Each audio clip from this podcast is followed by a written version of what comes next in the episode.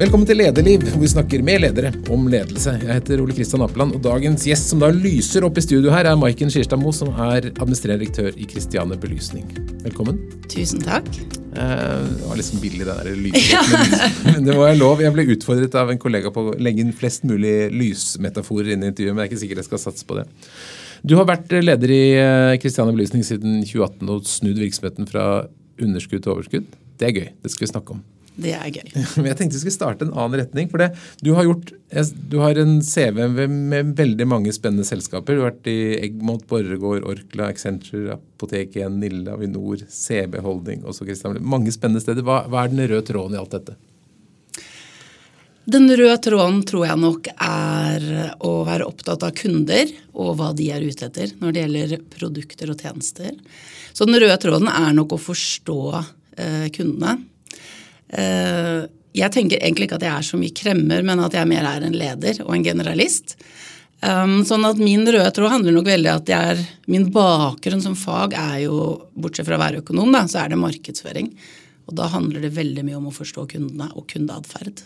Hvilken jobb er det som har formet deg mest? Mm, godt spørsmål. Uh, jeg var jo veldig lenge i apoteket, så det er klart at uh, å være der i mange forskjellige roller og jobbe i spennet mellom børs og katedral. Det tror jeg har formet meg mye. Jeg er veldig opptatt av at vi skal Når du jobber i selskap, skal du tjene penger, men du skal jobbe like mye for at det er godt å jobbe der, og at selskapet bidrar positivt til omverdenen. Som jo absolutt eh, apotek og apoteken eh, ga meg, da. Så jeg tror jeg har mye derfra. Handel er litt skummelt, for det er veldig sånn eh, kort vei fra aktivitet til, til tall. Altså, det svinger fra dag til dag. og ja. Det, det, Handel, ja, i hvert fall i disse dager. Mm. Handel er jo først og fremst eh, veldig spennende. Det som er med handel eh, som gjør at i hvert fall fysisk handel har litt vanskelig for å klare å håndtere konjunkturer, det er jo at det er veldig mange faste kostnader. Så når du har veldig store faste kostnader og et lite dropp i omsetning, så har du ikke så stort handlingsrom.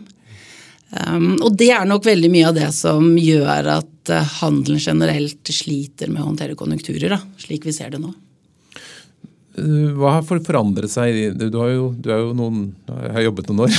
Er det, vet du, snart 50. Hva, har vært de største forandringene underveis i, i handelen? Nei, I handelen så tror jeg jo helt klart at uh, det har vært en bransje hvor det har vært mye kremmere. Ikke så stor eh, Så mye akademia, kanskje. Ikke så mange, mye med høy utdannelse. Litt mindre analytisk enn andre bransjer.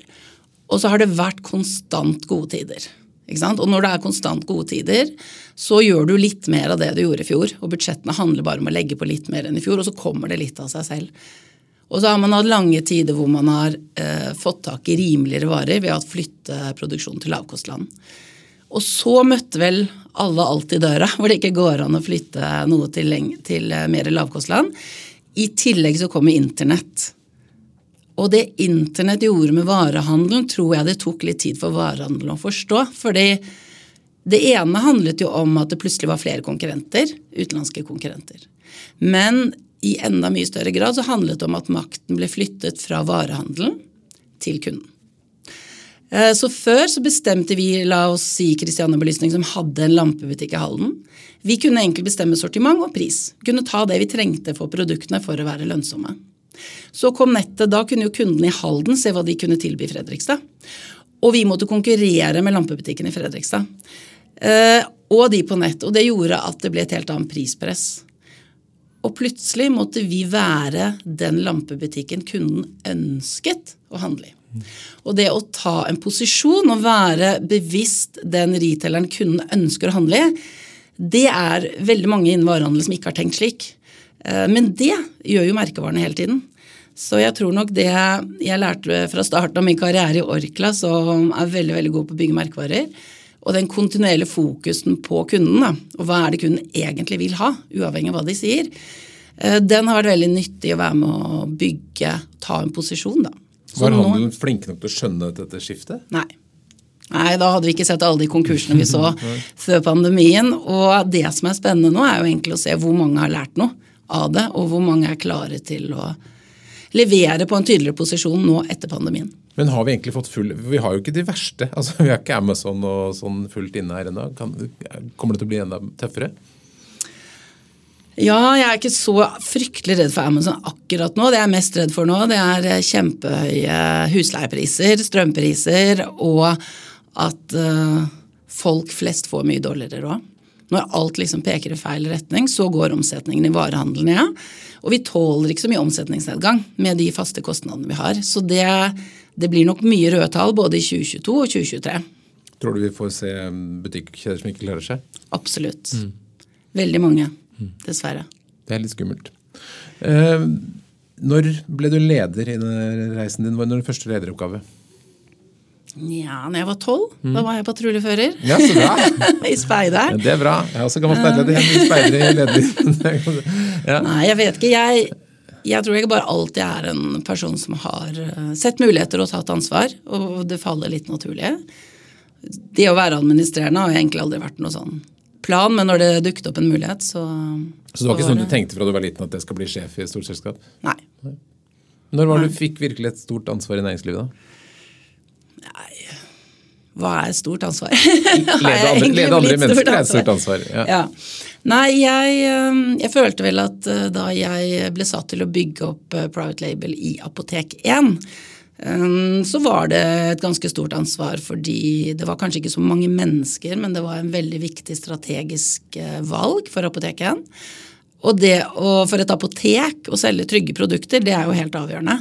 Så både selge produkter kunden vil ha, og som vi er 100% trygge på kvaliteten både hos leverandøren og i selve produktet. Det følte jeg nok var det største lederansvaret, hvor jeg tok mange store beslutninger. Og så har det vel egentlig bare gått litt sånn slag i slag. Ja. Du, har du liksom en bevisst lederstil, hvordan du skal være som leder?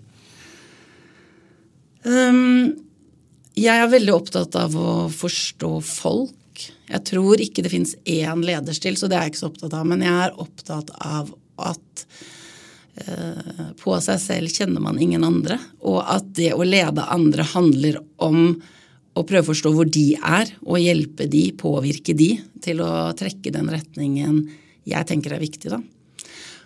Og eventuelt finne ut at kanskje det ikke er riktig person på riktig sted. Eh, så jeg er ganske tett på. Du sier at du kjenner ikke andre på deg selv. Hvordan, hvordan jobber du for å forstå andre? Du, Det jobber jeg faktisk ganske mye med. Jeg er veldig interessert. Jeg har blitt litt sånn hekta på det. Det skjer jo så mye på psykologi på den fronten der. Eh, jeg er ganske fast eh, tilhører på en del podkast som handler om det temaet. Mm. Eh, og det gir meg jo både verktøy og bedre innsikt og forståelse i hvordan folk eh, fungerer. Hvordan, og det gir meg selv selvinnsikt. Og så bruker jeg veldig mye tid til å reflektere i etterkant, og selvfølgelig også i forkant, av møter, styremøter. Liksom, hva, hva, fikk vi til? Hva skjedde egentlig? Og det gjør vi mye i Kristiania Belysning også, mm. sammen. Jeg tror det er veldig viktig å reflektere sammen. Det er jo noe som kanskje ofte koker bort i hastverk?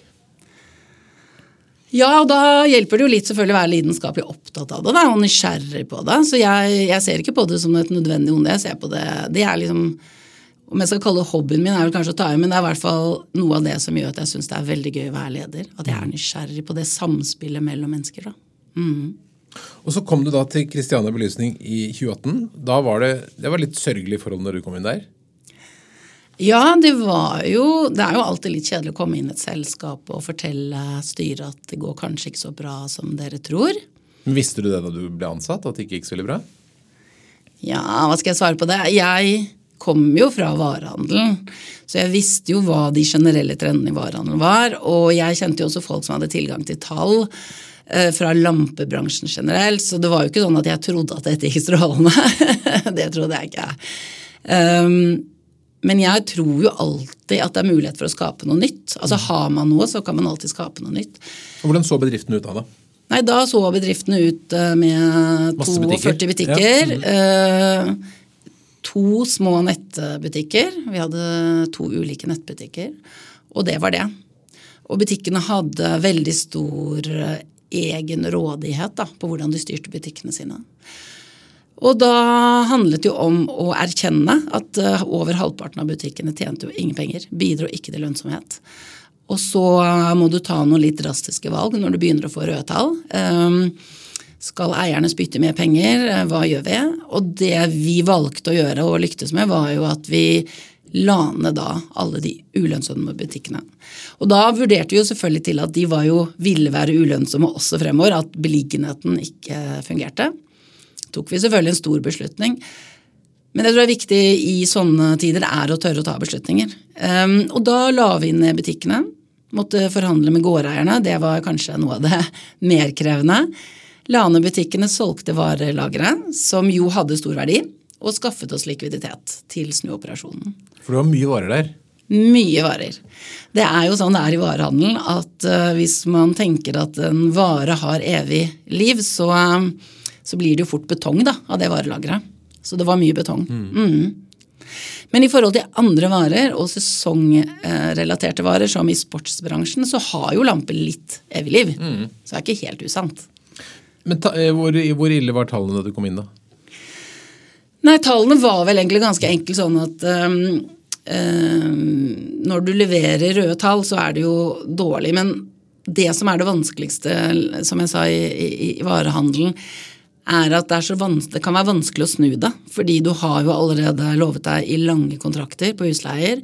Du har et varelager som du er nødt til å kvitte deg med, og da er det vanskelig å kjøpe nye varer. Og så har du ikke sånn veldig stor bemanning i disse butikkene, så du kan liksom ikke kutte mye på personal.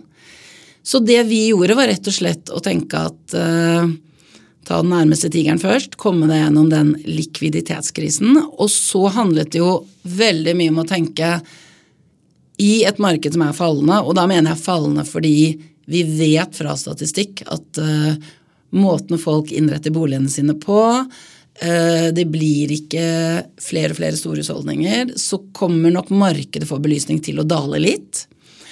Ergo er det ikke vekst i det underliggende markedet. Da må du ta markedsandeler. Da må du skaffe deg en fordel som gjør at kundene helst vil handle hos deg. Så da startet vi med å forstå kundene. Hva er de opptatt av? Og vet du hva kundene er opptatt av når det gjelder lys? Nei. At det lyser, antagelig. At det lyser. Ja, men det er det. De er opptatt egentlig bare av to ting. Er det nok lys mm. til mitt behov, og vil den bli fin hjemme hos meg? Ja.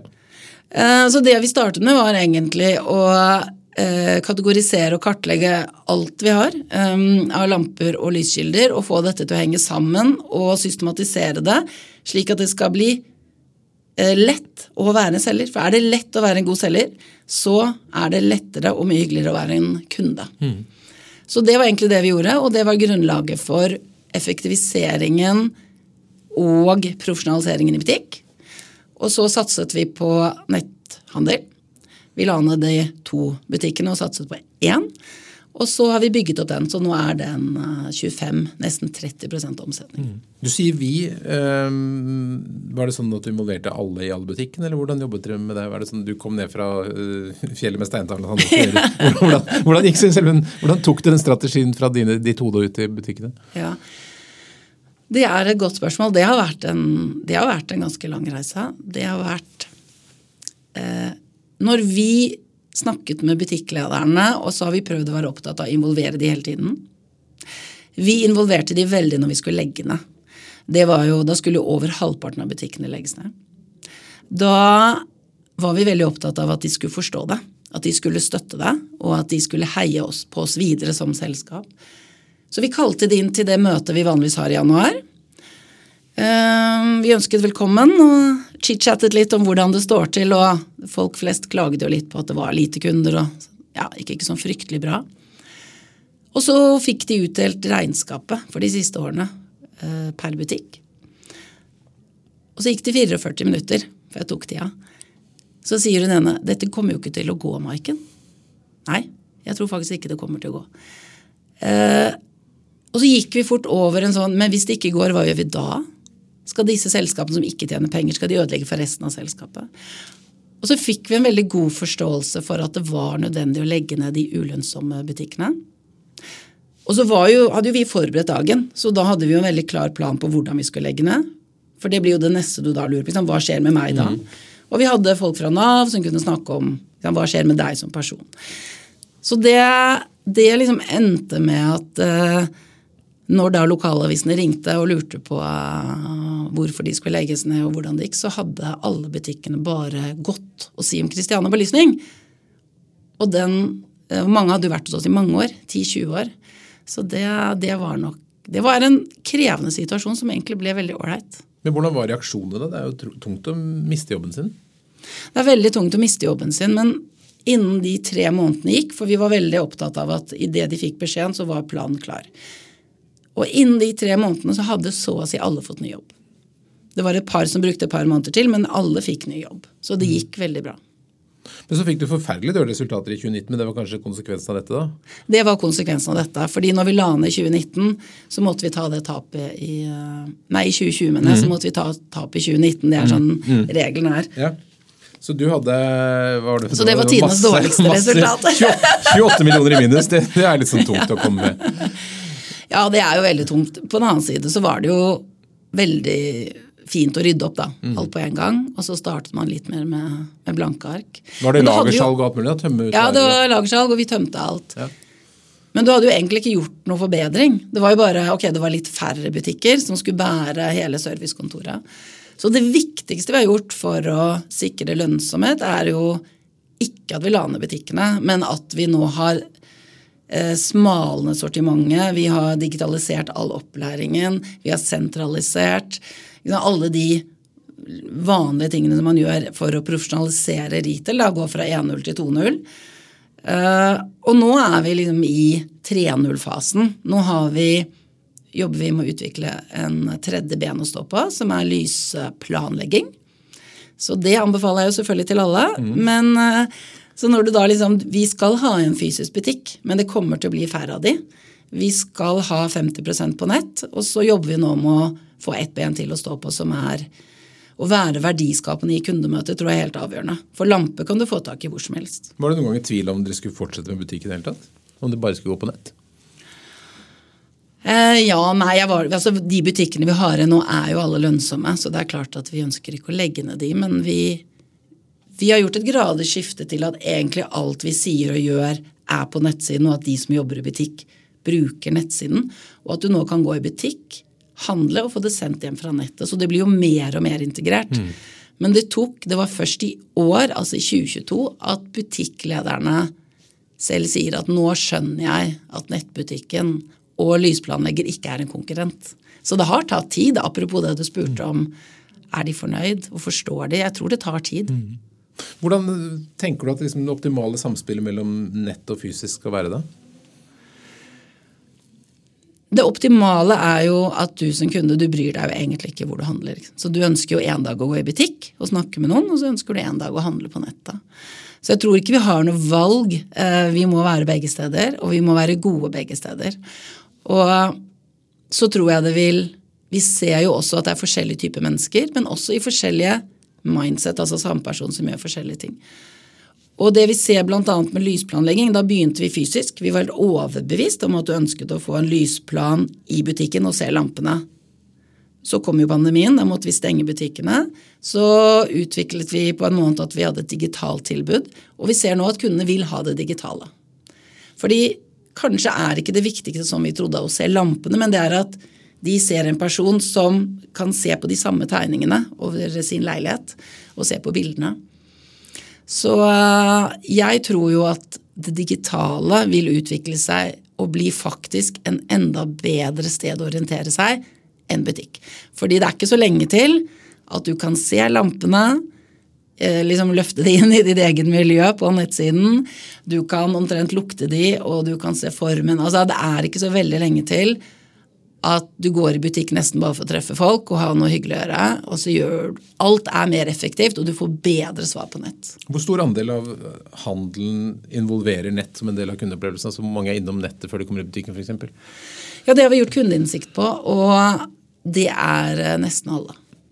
Faktisk. Men det er også noen som går i butikk og titter, og så går de tilbake og handler. Så butikk er jo viktig. Mm.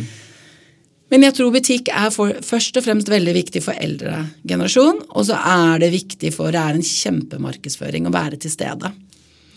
I Sverige så er det nå nesten ingen butikker som selger lamper på den måten vi gjør, fordi alt er blitt på nett. Og det er klart at Da er det også vanskelig å være en leverandør Louis Paulsen og vise frem lampene dine. Mm. Så det er vel det jeg håper kommer til å skje ganske snart, at leverandørene skjønner at de er avhengig av butikk. For akkurat nå så sitter de fleste leverandører og tjener gode penger på at eh, alle kostnader med fysisk butikk og såkalte showroom, det må kjedene ta selv. Og det er det ikke økonomi til. Og så går de på leverandørens egen nettside og kjøper etterpå? Ja. ja. Så det er en utfordring for dere at det blir på en måte gratis showroom for uh, leverandøren deres? Ja. Om de ikke går på leverandørens egen nettside, så er det så mange andre nettsider da, mm. som tilbyr uh, lamper. Og som bare går på pris, og som ikke har den store kostnaden i bunn. Hvor stor andel av handelen hos dere går nå på nett? Den er 25 eh, hittil i år. Jeg tipper den blir kanskje 30. Mm. Mm. Og Hvor fort har det vært fra da du 2018? Og da var det 1 ja. Så det har gått ganske fort. Ja. Hvor, hvor, tenker du at det ender? det er vanskelig å si. Ja, Vi sa opprinnelig at det skulle bli, være 50 da. Ja. Men jeg tror det blir mer. Ja. Sakte, men sikkert så blir det mer. Ja, det tror jeg. Og hvor mye belysning kjøper vi i Norge? Altså, hvor stort er dette markedet? Ja, det, det er ikke så lett å vite? Nei, det, vi har jo ikke noe bransjetall. Uh, men at det er uh, underkant av to milliarder. Vi, det er vanskelig å si akkurat hvor stort det er, selvfølgelig. men jeg, og Nå blir jo ting mer og mer utvisket. Det er jo mange store møbelkjeder som har belysning. Uh, de rimeligere kjedene, altså Claes Olsson har jo mye belysning. Mm. Så det er mye forskjellig belysning, men vi er jo ikke det markedet. Vi er veldig opptatt av at det er en grunn til at lamper koster litt. Og god belysning påvirker jo helse og trivsel veldig mye. Og det er egentlig det markedet vi ønsker å være i, at folk skal ha lyst til å kjøpe belysning hos oss. Så vi er liksom opptatt av å være den spesialisten som skal lære opp markedet. Litt sånn som norrøne har lært opp folk å gå på tur. ikke sant? Du må ha ytterlag, og så må du ha mellomlag, og så må du ha stillongs. Og sånn er vi opptatt av å lære våre kunder om god grunnbelysning, og hva er det som avgjør om en uh, takpendel eller en taklampe er en god lampe over et spisestue hvor høyt skal det henge? Det er veldig lite kompetanse, generelt grunnlag, det. Også blant elektrikere og um, interiørarkitekter. Så det er faktisk mange av de som tar lysplanlegging hos oss, er uh, elektrikere og interiørarkitekter. Så vi ser at behovet er der. Og så håper vi å få enda mer muskler, så vi kan virkelig snakke høyt om dette da, og folkeliggjøre det. Vår tanke er jo å kommersialisere lysarkitekten. Gjøre det sånn at det er en hvermannsentjeneste å kunne gå og kjøpe. Alle fortjener god, god belysning. Syns du ikke det? Absolutt. men, men eh, du, eh, du, snakker om kundeinsekt, og jeg har sett og uttalt deg litt om forskjellen på hva man kan se og måle på nett og i butikk. Du, du er opptatt av at det fysiske møtet også gir deg en del innsikt som du ikke kan få på nettet? Masse. Man tenker hele tiden at man får så mange svar på nett, og det gjør man jo for man ser hvor folk klikker og hvordan de beveger seg. Men du får jo ekstremt mange svar også i butikk av å se på ansiktsuttrykk og hvordan folk orienterer seg og hva de egentlig lurer på. Um, så jeg tenker at vi har brukt mye tid på å observere i butikk og rett og slett forstå hva er det du egentlig Hva er det egentlige behovet ditt? Mm. Bare ta en sånn enkel ting som lyskilde. da. Så når øh, jeg begynte i Kristiane-belysning, så var det liksom Det, det het bare lyskildeveggen. Det var marerittveggen. For det var uendelig mange lyskilder å velge i. Og hvordan i huleste skal man uh, kunne råde i en kunde om det? Uh, og finne fram i det hele tatt. Og så har vi egentlig jobbet systematisk med lyskilder og sett at det er vel egentlig tre ting som er viktig for deg som kunde. da. Og det her har vi gjort ved å observere i butikk, i kundemøter. Uh, vi er veldig opptatt av å Vil du ha et naturlig fargegjenkjenn? Eh, eller vil du ha det litt varmere, som vi ofte bruker her i Norden? Har du behov for å dimme? Eh, og hva slags lampe er det? Altså, det er veldig viktig at det ikke blender. Det er jo en av de viktigste tingene også. sånn at hvis du har f.eks. glasskulle, så er det viktig med eh, en matt lyskilde og ikke en klar. Og de tingene snakker vi mye om i butikk. Og det er jo ikke det er jo ikke revolusjonerende, men bare det at du får den hjelpen i kundemøtet, gjør at du Ja, da kom du hjem, og så ble du litt mer fornøyd, for du vet hvorfor du ble fornøyd. Men når du sier observere butikk, betyr det at du har si, spioner ute i butikken, eller er det de, får du Nei, ekspeditørene dine til å ja. Det er meg. Hvordan, hvordan, hvordan, hvordan, klarer du å samle inn all den innsikten som, som, om hva som skjer i butikk? Hvordan klarer du å systematisere og samle det? Um, er det deg? Er det du som det er faktisk meg. ja. Eh, det er faktisk oss. Husk på, vi er, vi er 14 stykker eh, på servicekontoret. Og eh, jeg er veldig opptatt av at vi 14 stykker, vi er, vi er små forskere. Mm. Hver dag, hele tiden. Vi må hele tiden prøve å tenke hvordan vi kan forbedre oss. Hva er det egentlig kundene våre vil ha? Så både vi er mye ute, alle sammen, og vi jobber tett sammen med butikklederne og ber de se etter konkrete ting. Så og det vi liksom det, noe av det første jeg fant når jeg begynte, var jo bare det at når du kom inn i en lampebutikk, så hadde vi jo ikke lampen på lager. Nei, da bestilte vi den, og så ikke, kunne vi fortelle heller når den kom. fordi vi måtte jo vente til det var flere lamper fra samme leverandør som fikk samlokalisert transporten. Så det var mange sånne småting. bare, ja, men Det kan vi jo ikke ha. Så det er jo egentlig gjennom å bare ta kunden på alvor og hele tiden prøve å forstå hva kunden vil ha, og så løse det steg Sånn step by step. Mm. Det har jeg Hva er den største overraskelsen du har fått i å observere kunder i butikk? Den største overraskelsen Jeg vet ikke om det er den største, men folk eh, det er, det, er, det er, nesten umulig for en person å forstå om en lampe gir nok lys. Eh, og det virker jo liksom veldig enkelt når du er i bransjen selv, men det der å Det eh, var det vi liksom har fått mest igjen for, det der å klare å forenkle og forklare til kunden om det er funksjonslys, da, som vi kaller det, om det er allmennlys, lyser opp, eller om det er stemningslys. Og alle som skal ha et spisestuebord hvor du også skal sitte og jobbe litt, eller barn som tegner, må ha god funksjonslys over spisestuebordet. Så når vi kan forklare det til kunden, og hvorfor, eh, så har vi blitt eh, veldig, veldig sterke på, på takpendler, da, som er den viktigste kategorien hos oss.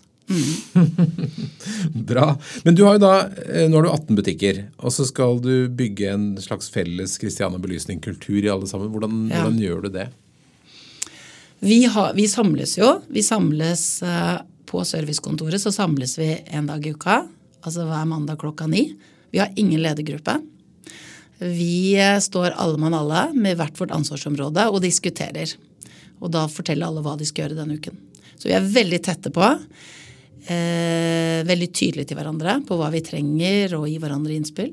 Hver tirsdag halv ti så har vi Teams-møte med alle butikklederne, hvor vi tar opp det som er eh, relevant for de.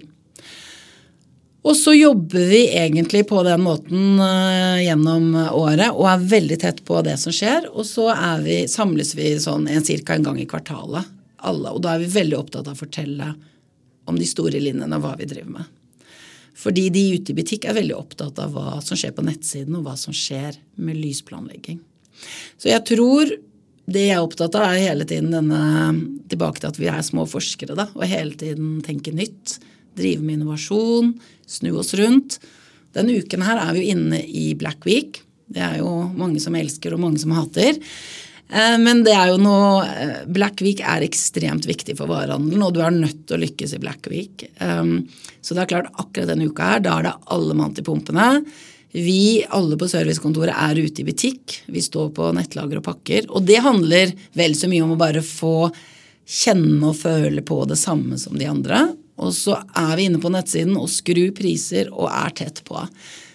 Så vi er litt slitne når eh, det kommer til Singles Monday neste mandag, men vi er også veldig glad da. Det er veldig gøy. Det er veldig gøy å kjenne at du står sånn skulder til skulder. Men Hva slags hjelpemiddel har du for å skape? Bruker du visjon, verdier mye, eller hvordan drar du med deg folk på kulturreisen? Ja, vi har jo en veldig tydelig visjon på at vi skal være belysningsspesialisten og hva det betyr for oss. Og den jobber vi med kontinuerlig. Så hver eneste samling og hvert halvår så går vi opp ok, hvor langt har vi kommet nå for å nærme oss, og hva er det neste vi skal jobbe med. Så det er nok ingen i Kristiane Belysning som ikke er veldig klar over at vi er eh, belysningsspesialisten, og at det handler om de gode kundemøtene. Og så sitter jo dere da inne på eh, kontoret og tenker ut smarte ting og skal liksom dra med dere gjengen ut i butikk. Altså Hvordan vet du mm. tempo på ting? Altså, er At ikke du raser av gårde i din mentale reise og ikke har med deg laget ute. Hvordan styrer du det? Ja, jeg har ganske høyt tempo, så det, det har jo hendt at vi har rast av gårde, som du sier. Uh, og så Av og til så lurer man på hadde det gått bedre om man hadde tatt det roligere, og av og til så tror jeg kanskje ikke det. Jeg tror det liksom noen endringer er vonde, og man må gjennom det, og kanskje går det faktisk bedre hvis man er, eh, har et visst tempo. Jeg har veldig tro på autentisitet som leder, og være transparent. Hvis du vet at du har gjort ting i den beste mening, og du vet du gjør, god, gjør ting med god intensjon, og du kan forklare hvorfor, så går det som regel bra. Det er i hvert fall min erfaring. Og så ta seg tid til å snakke med folk. Og ringe og høre hvordan de har det. Det er kjempeviktig. Er det populært å jobbe i lampebutikk? Det er populært å jobbe i lampebutikk for folk som er opptatt av form og farge og interiør. Det ser vi. Vi har begynt å rekruttere veldig mange fra, som studerer. Mm. Så tror jeg nok det har vært en ganske tøff erfaring for mange nå, to år med pandemi og usikkerheten i varehandel. Så varehandel har vært veldig populært. Mm. Og med den arbeidsledigheten vi har i Norge i dag, da, eller den ikke-eksisterende arbeidsledigheten, så har det vært kjempevanskelig å få tak i folk så uh, tror jeg kanskje det også snur seg nå. Mm. Vi får se. Det kan bli litt, litt, lettere å holde på folk fremover? Ja. Vi har i hvert fall Altså, vi uh, betaler godt, vi betaler tariff, og vi har gode arbeidsbetingelser. Vi er veldig opptatt av å være et godt sted å jobbe. Så jeg håper jo at folk vil fortsette å være hos oss og trives. Men du har jo en del sånn eh, ekstrahjelper og, og Mange. For, ja, veldig mange. Hvor omfattende opplæring sånn gir du en person før du plasserer vedkommende bak disken? Ja, det er eh, noe av det vi egentlig har jobbet mest med. Det er at vi har jo i de aller fleste butikkene bare én person som er eh, ansatt på fulltid. Alle andre jobber på, på deltid, mer eller mindre. Så vi har sagt at uh, vi pleier å kalle henne Thea på 17. Det er jo ikke så mange under, uh, under 18 som jobber hos oss, det er vel egentlig ingen. Men det har vært en sånn, det at de skal kunne være oppe og stå etter en måned, det at alt skal være digitalt tilgjengelig av opplæring og oppslag da, på hva du trenger for å kunne stå alene i butikken, det har vært helt essensielt. Og så driver vi og um, rett og slett Du får et digitalkurs, og så får du opplæring, og så sjekker vi av at du Eh, kan nok om lyskilder og lamper. Og så får du en diplom. Og hvis det ikke går bra, så får du lov å øve litt til. Mm. Det er ingen som mister jobben. Syns du det er stas å få opplæring? Ja. Det er veldig mange som sier at det er derfor de liker å jobbe hos oss. Både at de får opplæring når de begynner, men veldig mange opplever det som veldig meningsfylt å jobbe i en fagkanal. Du kan svare når kunden kommer, og det er noe av det morsomste med jobben. Mm. Nå har du klart å vri dette fra en underskuddsbutikk til en ganske bra overskuddsbedrift, i hvert fall i fjor. Ja. Hva betyr det for de ute i butikkene? Bryr de seg? De bryr seg, og det betyr veldig mye for dem. For det handler om deres arbeidsplass. Så de har vært veldig supportive gjennom den snuoperasjonen. Ehm, det var jo de første årene hvor vi var litt eh, mindre rundhåndet med eh, lønnsøkninger fordi vi ikke hadde så god råd. Og nå har vi fått eh, gitt kraftige lønnsøkninger i år nettopp for å vise at vi gir tilbake når vi kan. Vi tror jo fortsatt vi skal ha sorte tall i 2022 også. Og så blir det mer spennende i 2023 om vi klarer å mm, effektivisere og, og levere så godt da, som vi mm. håper. Mm -hmm. Men du, du, har jo nevnt at du har gjort noe innovasjon, for du tenker på et mm. nytt område med digital lysplanlegging. Altså det, du har jo gjennom din karriere gjort en del innovasjon. Hva er mm. oppskriften liksom, når man skal komme med noe helt nytt? Ja, så oppskriften, jeg tror man, Det er ofte mye enklere enn man tror. Da. Ikke gjør det så komplisert. Det handler alltid om å prøve å forstå hva, hva er, det, er det noe behov for noe der ute. Er det noe vi kan levere på? Noe, Hva er det egentlig kunden ønsker? Hva er det de hadde ønsket seg? Eh, så hvis du tar utgangspunkt i kunden, så er det ofte ganske lett å komme på hva kundene kunne sagt at de Eller du ser eller tror at kundene kunne tenkt seg. Og så handler det mer om hvordan klare å levere en tjeneste ut av det som er lønnsom. Mm. Så det å klare å forenkle ting og si det var ingen som trodde at vi skulle få lysplanlegging lønnsom. Altså, Se på alle butikkene. liksom Møbelbutikker de klarer jo ikke å ha interiørarkitekter lønnsomme. Men det er ikke mulig. Jo, det er det. Tok ett år, det. Men det jeg tror jeg handler om at man du må liksom tenke på uh, hva er det som er viktig for kunden, og det må du levere på. Og så må du prøve å levere enklest mulig og kalle det minst mulig på alt det andre rundt, da, sånn at det blir verdiskapning i tjenesten. Um, Men helt konkret, eksperimenterer du? Lager du liksom tester? eller hvordan? Ja, jeg setter opp litt sånn type. ikke sant? Hva er en kunde typisk villig til å betale for en lysplanlegging? Mm. Uh, og hvis vi skal ha lysplanleggere, så må vi på en måte gå i null på den tjenesten, sånn at det vi tjener, er på produkt. For hvis vi går i minus, da driver vi kryssubsidierer, og da blir det vanskelig å tjene penger. Eh, så da, liksom, da, kan du veldig fort regne opp hvor mange lysplanleggere kan du ha på jobb, og hvordan skal dette fungere. Så da har du veldig konkret hvordan du må klare å få det for å være effektivt i backoffice, for å få det til å fungere. Og så handler det om da hva, hvor mange lysplanleggingstimer må du få solgt hver dag, og hva slags konvertering må du ha på de timene. Mm. Og da eh, tenker jeg at man må tillate seg å ikke ha sånne helt faste måter å gjøre det på, men heller drive og eksperimentere litt til du ser at du treffer et marked. Så hvordan selger dere lysplanlegging i praksis? Vi selger det Eh, vi selger det selvfølgelig i butikk. Mm. Altså, vi anbefaler det i butikk. Du kjøper det på nettet. Eh, og vi har nå i det siste, og så driver vi markedsføring, og så har vi nå i det siste begynt å jobbe inn mot utbyggere. Men er det, er det kommer lysplanlegging hjem til deg, eller sender du tegning? Hvordan, fortell Nei, hvordan det skjer. Nei, det skjer på Teams. Ja, ok. Ja, mm. Så du setter av 30 minutter. Vi setter av en time. Så må du sende oss tegningene dine av huset ditt, gjerne noen bilder, sånn at vi har rukket å forberede oss litt. Og så tar vi egentlig deg med en samtale i de 30 minuttene på å tenke ut og forklare deg litt om belysning. Veldig ofte så er det en mann og en dame som skal bli enige, og da vil mannen ha veldig mye grunnbelysning. Mm. Spotter og spotskinner, og damen vil er opptatt av uh, sette det litt på spissen, da, men er opptatt av flotte interiørlamper. Så prøver vi å forklare hvordan man bør tenke, hva er det viktig å, å ha på plass. Og så gir vi deg gjerne tilbud på produkter på slutten. Mm. Så det er en fantastisk mulighet egentlig som du kanskje ikke ville hatt før pandemien. det å kunne, at, folk, at, alle er komfortable med å snakke med dere på Teams. Ja, og folk er mer komfortable med det, faktisk. Så det vi gjør nå, er jo da vi har begynt så vidt å jobbe litt mot utbyggere. Og ikke de aller største, men de som ja, bygger ut i mindre skala, som, hvor du kanskje har eh, noen som ikke kan belysning. Og i moderne leiligheter så er det veldig kjedelig hvis du selger en leilighet hvor det ikke er mulig å få til god belysning, for det mangler kontakter, og de er ikke på riktige steder. Og så ser vi det at eh, god belysning det handler veldig mye om å kjøpe menighetlampe. Det handler om egentlig ganske mange lamper. Eh, men da kan du også ommøblere som du vil, og bruke rommene som du vil, egentlig for all ettertid. Da. Og de lampene er jo der.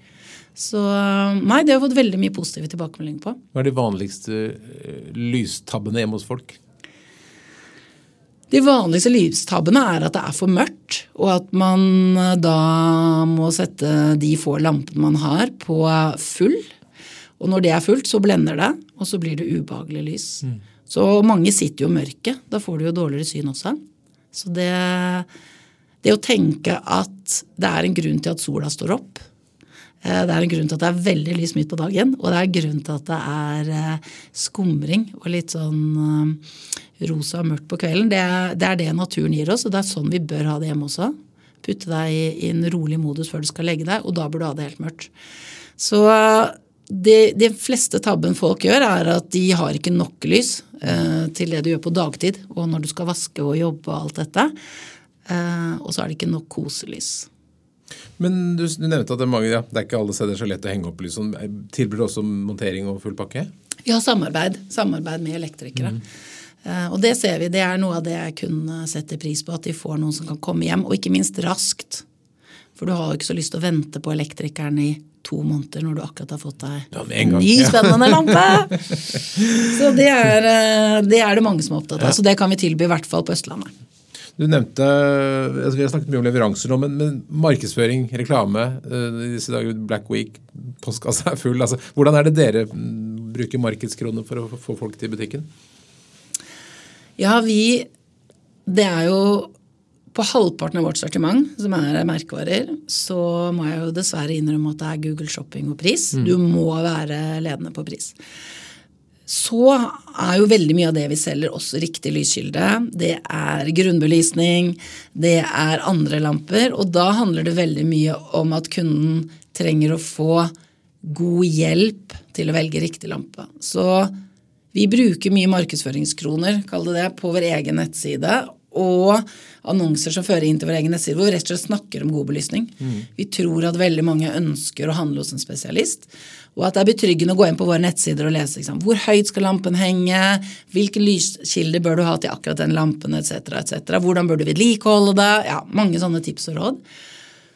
Uh, og så er, bruker vi selvfølgelig sosiale medier, men vi er veldig opptatt av at vi ønsker å spre det, det, er i mye større grad det å spre kompetanse om belysning, sånn at kundene igjen skal få lyst til å velge oss. Ikke så mye markedsføring og kampanjer. Så du prøver å bygge den kunnskapsposisjonen for å få business ut av det? Mm. Ja, det er jo kjempeviktig. Det er veldig mange som ikke har hørt om Christiania belysning. Eller vi, Du burde se hvor mange lamper kjøper vi. Altså, folk kjøper lamper som regel når de pusser opp eller flytter. Og det gjør man jo forhåpentligvis ikke så ofte. Nei. ja, for det er litt, det er som man føler seg kanskje har gjort det og føler seg ferdig med det. Det er ikke noe man driver med sånn på løpende basis. Hva er det trendene nå? Hva er det folk vil ha? Er det noe som er liksom inn akkurat nå?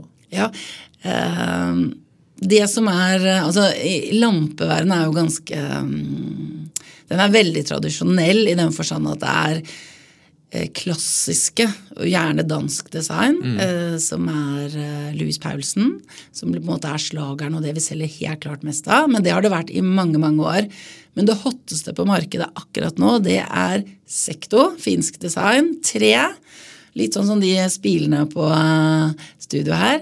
Eh, som gir et veldig godt lys. Og det er vel den eneste lampen i vårt sortiment som vi aldri har på tilbud. Fordi vi jobber med å få nok. Ja, så gøy. Mm, så er det forskjell i landet? Hva som selger i sør og nord, øst og vest? Nei. Nei.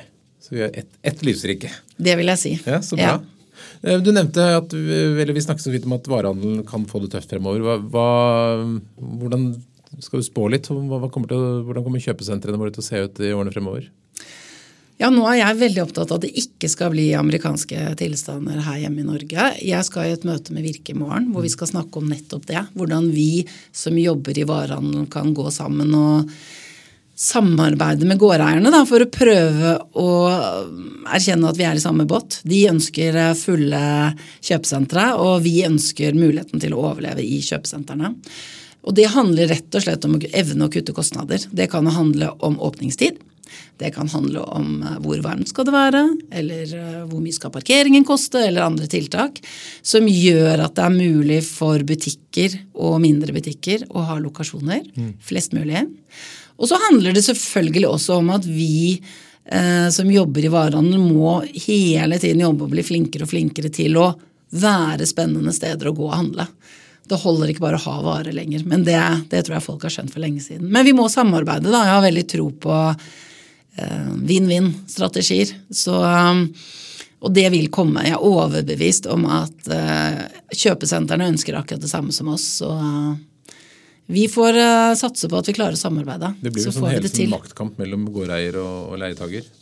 Ja, det har jo dessverre vært preget av det. Men jeg, det jeg har jo vært i flere tøffe runder med de, både med pandemien og nedleggelse. Men, men det sitter noen folk der òg, og folk er folk. og jeg tror egentlig vi vil det samme, så vi må i hvert fall prøve å samarbeide. Mm. Nå har vi vært gjennom liksom, handelsdelen av CV-en din, men det er et sånt parallellspor der som heter styreverv. Du har ja. vært ganske mye i styret. Nå er du styreleder i Ekona bl.a., som eh, er Jeg skulle til å si Siviløkonomforeningen, men det er ikke det. Det er masterutdannede innen økonomisk administrative fag. Ja. har jeg lært. Det er 28 000 av dem. Eh, men generelt, hva, hva gir det deg å være styremedlem? Og det gir meg veldig mye Det å være styreleder, kanskje særlig, det mm. syns jeg er eh, Det er en sånn mulighet til å være med og sette retning. Og egentlig så føler jeg at det er å sette retning og være en coach, eh, sparringspartner, da, for administrerende. Og det er jo kanskje den delen av jobben jeg syns er mest spennende. Det å eh, jobbe strategisk, sette retning. Og være en Jeg ser på meg selv som en katalysator da, som skal prøve å hjelpe administrerende da, ved å la, eh, legge til rette med riktige rammebetingelser. Og de fleste som har kommet så langt at de er administrerende, de er ganske oppegående, interessante, hyggelige folk. sånn at det er jo en luksus å få lov å jobbe med den type mennesker. Og ja, det er nesten ikke noe jeg syns er mer spennende enn det. Jeg har jo et styreverv eh, bl.a. på Brageteatret, hvor du jobber med en teatersjef eh, som har et helt annet syn på Eh, billettinntekter og, og, den type ting, men har et fantastisk syn på verdiskapningen i lokalmiljøet og hvordan han leder teatret og skuespillerne. Så det, det er sånn evig lærende prosess da, begge veier. Så det, ja, det syns jeg er kjempegivende. Og så er det noe mange lurer på det. Hvordan får du styreverv? Hvordan har du skaffet deg styreverv? Nei, Der må jeg ærlig innrømme at jeg har nok bare jeg har fått de. Og jeg har også takket nei til en del, fordi jeg tror man skal begrense det òg.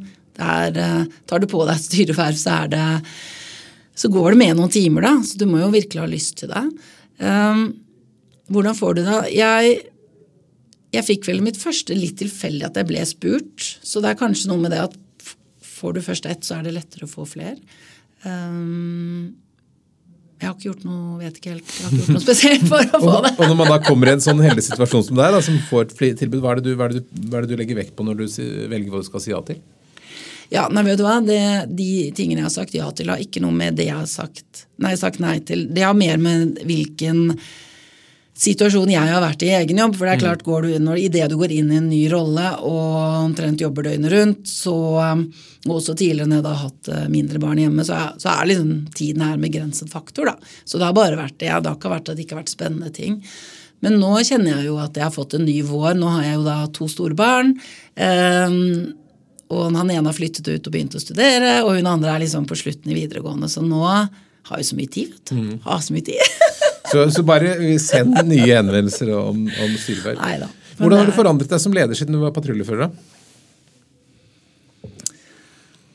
Ja, jeg håper jeg har forandret meg, foran, eh, forvandlet meg veldig mye. Um, jeg har forhåpentligvis blitt veldig mye klokere og veldig mye mer erfaren.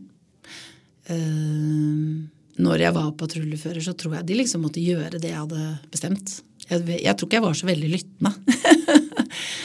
um, så det er vel det at Det føler jeg liksom Den siden av meg som handler veldig mye om å, å, lytte til folk. Og da mener jeg ikke lytte for å høre hva, hva de har å si, men vel så mye hva de ikke sier. fordi uh, Det er kanskje en viktig erkjennelse når man jobber med butikk.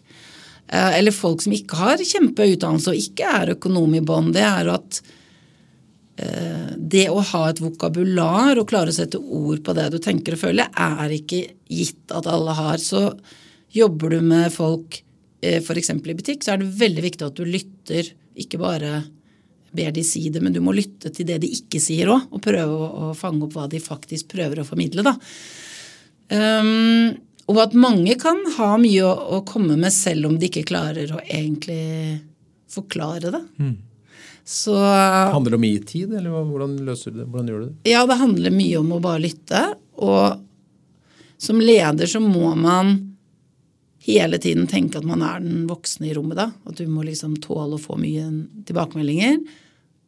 Og så kanskje prøve å reflektere hvorfor sier vedkommende alt dette? Hva er det egentlig det personen sitter og, kjenner eller føler på, siden av behov for å få ut alt dette gruffet? Istedenfor da er det jo veldig lett å liksom tenke at det er ikke rettferdig, eller det stemmer ikke. ikke? Der, det stemmer ikke det du sier. Eh, nei, men de har en grunn til at de føler det sånn. Og hvis man kan klare å komme litt bak det, da. Eh, men da må du lytte ordentlig. Eh, til, hele, til, hele, kroppen, som jeg pleier å si. Du kan ikke bare lytte til hva man sier, men hva tror du liksom ligger bak? Og da er vi litt tilbake på alle disse podkastene om eh, psykologi og ja, særlig en uh, som jeg hører litt på som heter Sinnsyn, av en som heter Sondre mm. Risholm. Og det, jeg har lært fryktelig mye av den. Av den der hvordan folk er. Så bra. Det er kjempespennende. Kult tips.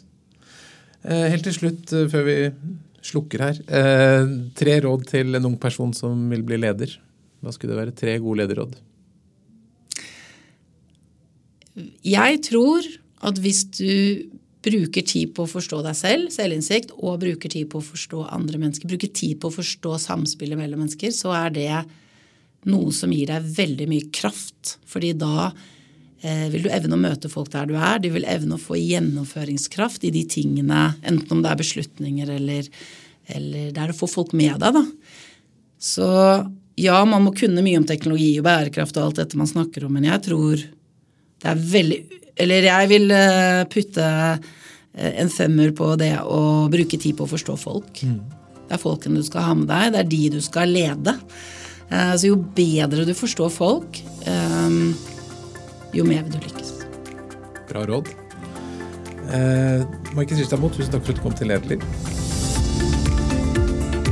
Avslutter med å si at Lederlivsredaksjonen består av Lars Jarle Melum, Lars Bolden, Ingrid Hogneland og meg, som heter Ole Kristian Appeland. Og hvis du har tips og ideer, så kan du sende e-post til meg, ole.appeland.no.